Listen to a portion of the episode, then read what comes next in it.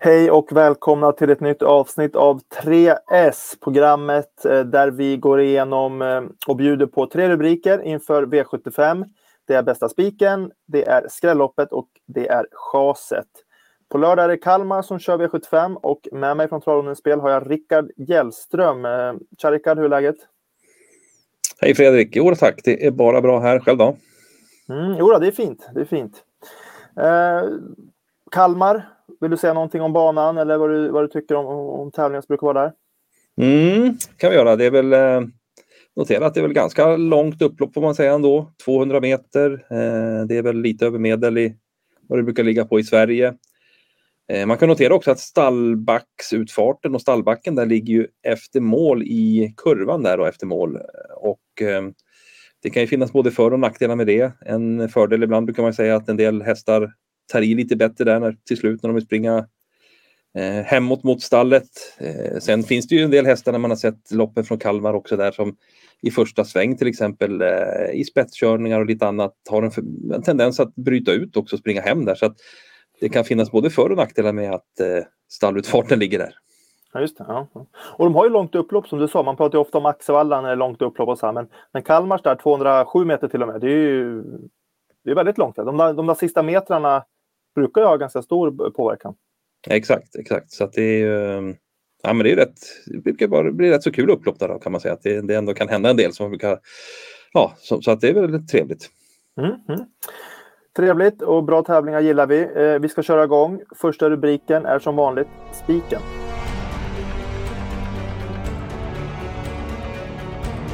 Spiken alltså första rubriken och, och det är inte vilken spik som helst utan det är bästa spiken som ska levereras Rickard. Vart har vi den?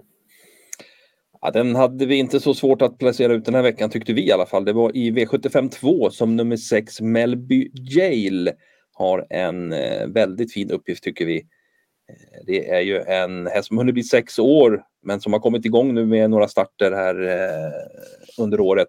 Tre stycken har det blivit och ja, han blir ju bättre och bättre. Det är ju en stor häst det här. Timo Nurmos har ju sagt eh, att det är den största hästen han har i stallet för tillfället. Eh, och eh, ja, det där sprinterloppet sist, det kan jag faktiskt ha gjort väldigt nytta då i en sån pass stor häst. Han hade ju dessutom väldigt eh, ja, väldigt konstig väg eh, senast. Det var, blev över i tredje spår, backade ner i kön, attackerade, gick bra till slut men ja, han är ju inte fram till någon seger då, men det var ju en väldigt bra insats om man ser till hur ja, så pass stökigt lopp som det blev.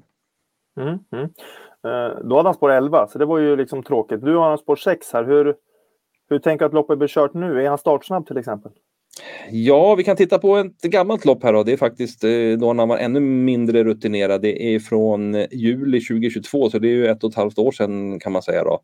Men då hade han spår 4 bakom startbilen och klev ju iväg riktigt rappt och fint den gången till ledningen. Så att, att han kan flytta på sig från början är det ju inget snack om. Eh, Jorma Kontio upp.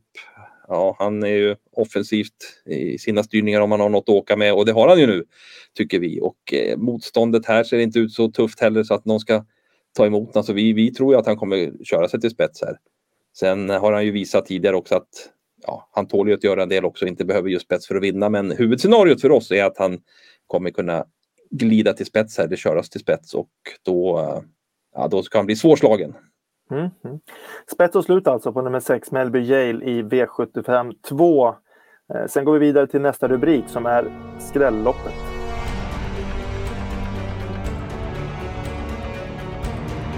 Skrälloppet alltså. Rickard, vart har vi skrälloppet den här veckan? Det hittar vi i V75 4, ett diamantstolopp. Har du hört talas om det i den här rubriken förut? Jag tror det, någon gång. ja, nej, men det tycker vi ser ut som ett öppet lopp där, V75 4. Eh, klar favorit 15 Safira Diablo just nu när vi spelar in det här. Eh, inte så konstigt att hon blir betrodd med tanke på hennes fina insatser på sistone, kommer från V75-seger i Mantorp. Eh, men ja, hon står ju ändå med tillägg här. Man måste ju ändra till vanlig vagn från amerikansk vagn som man har haft i de tre senaste starterna. Ja, vi har ju såklart henne i högst segerchans men eh, tycker väl inte att det är någon given vinnare och mm, bakom där finns det ju en hel del skrällbud. Det är ju flera, ja de flesta hästarna är ju under 10 procent så att här kan det skrälla. Mm, mm. Vi har ju ofta de här diamantstorloppen som skrällopp och jag tycker jag ofta slås av hur svåra de är att läsa, alltså hur de blir körda, vem som kommer sitta i ledning och, och vilka positioner de kommer ha efter ett halvvarv. För det är ofta stökigt när det är många hästar och voltstart och ofta orutinerade hästar också. Så, där. så det är kanske framförallt det också som är svårt att, att, läsa de här loppen. Så är det ju och det kan ju som du säger just när det är voltstart också. Det händer ju en del. Det kan bli ett par omstarter, eh, några galopper. Så det, det är ganska små marginaler till att det händer någonting oväntat som man inte har tänkt sig ska hända heller. Så att där, därav kan det ju bli skrällar i de här loppen. Mm. Är det någon speciell skräll du vill lyfta fram? Tycker framförallt att man ska plocka med en häst på startfållan där, nummer tre Cheese Chi som eh, har hunnit bli fem år nu då. Men som inledde karriären lovande, vann eh, två lopp på sina fyra första starter där och visade rätt bra fart.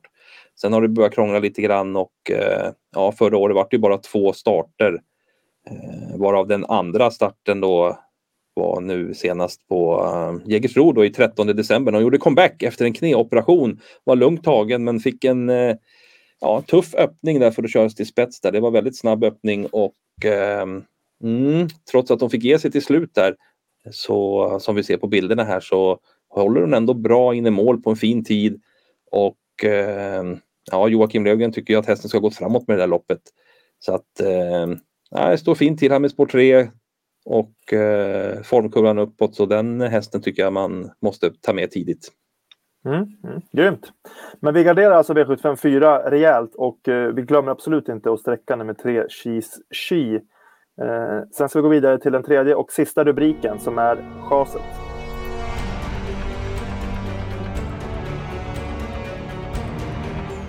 Ja, lördagens tredje S alltså är ju som vanligt chaset, Rickard. Vilken häst ska vi chasa eh, den här veckan? Mm, vi går till V75 5. Det är gulddivisionen och det blir fem Sweetman som hamnar i chasfacket den här veckan. Ehm, ja, kommer ju från seger så det kanske kan tyckas konstigt eh, men eh, vi ser ju på bilderna här från det segerloppet på Jägersro här i början på året. Ehm, ja, den får jobba på hårt för att hålla undan för nummer två Crack Atut den gången. Och eh, Crack Atot är ju med även i det här loppet eh, och har ju bättre spår också så att det är inte helt säkert dels att Sweetman kommer till spets och skulle han komma till spets lär det kosta en hel del. Möter dessutom då lite bättre hästar ändå än förra gången. Krakatot till exempel var ju nära att slå från utvändigt ledaren. Och eh, tillhör inte de med hetast segerchans i det här loppet. Så att även om det skulle bli spets för Sweetman så tror vi att det blir tufft att hålla undan till seger. Så att eh, därav tycker vi att inte Sweetman är så het den här veckan. Mm, mm. Väl motiverat alltså, nummer fem Sweetman som ser ut att kunna bli lite betrodd ändå. Men eh, vi chasar alltså, vi sträcker inte nummer fem Sweetman. Eh, även om vi skulle gardera loppet eller om vi spikar så kommer han inte få plats på kupongen alltså, nummer fem Sweetman i V75 5. Eh, det var de tre rubrikerna det som utlovat. Jag ska gå igenom dem lite snabbt igen. Vi spikar alltså nummer 6 Melby Yale i V75 2. Skrälloppet hittar vi i V75 4 där eh, Rickard lyfter fram nummer 3 Cheese She som en häst som man inte får glömma. Sen chasar vi nummer 5 Sweetman som vi alltså inte tycker är värd att sträcka den här veckan. Tack för att ni tittar och stort lycka till på V75.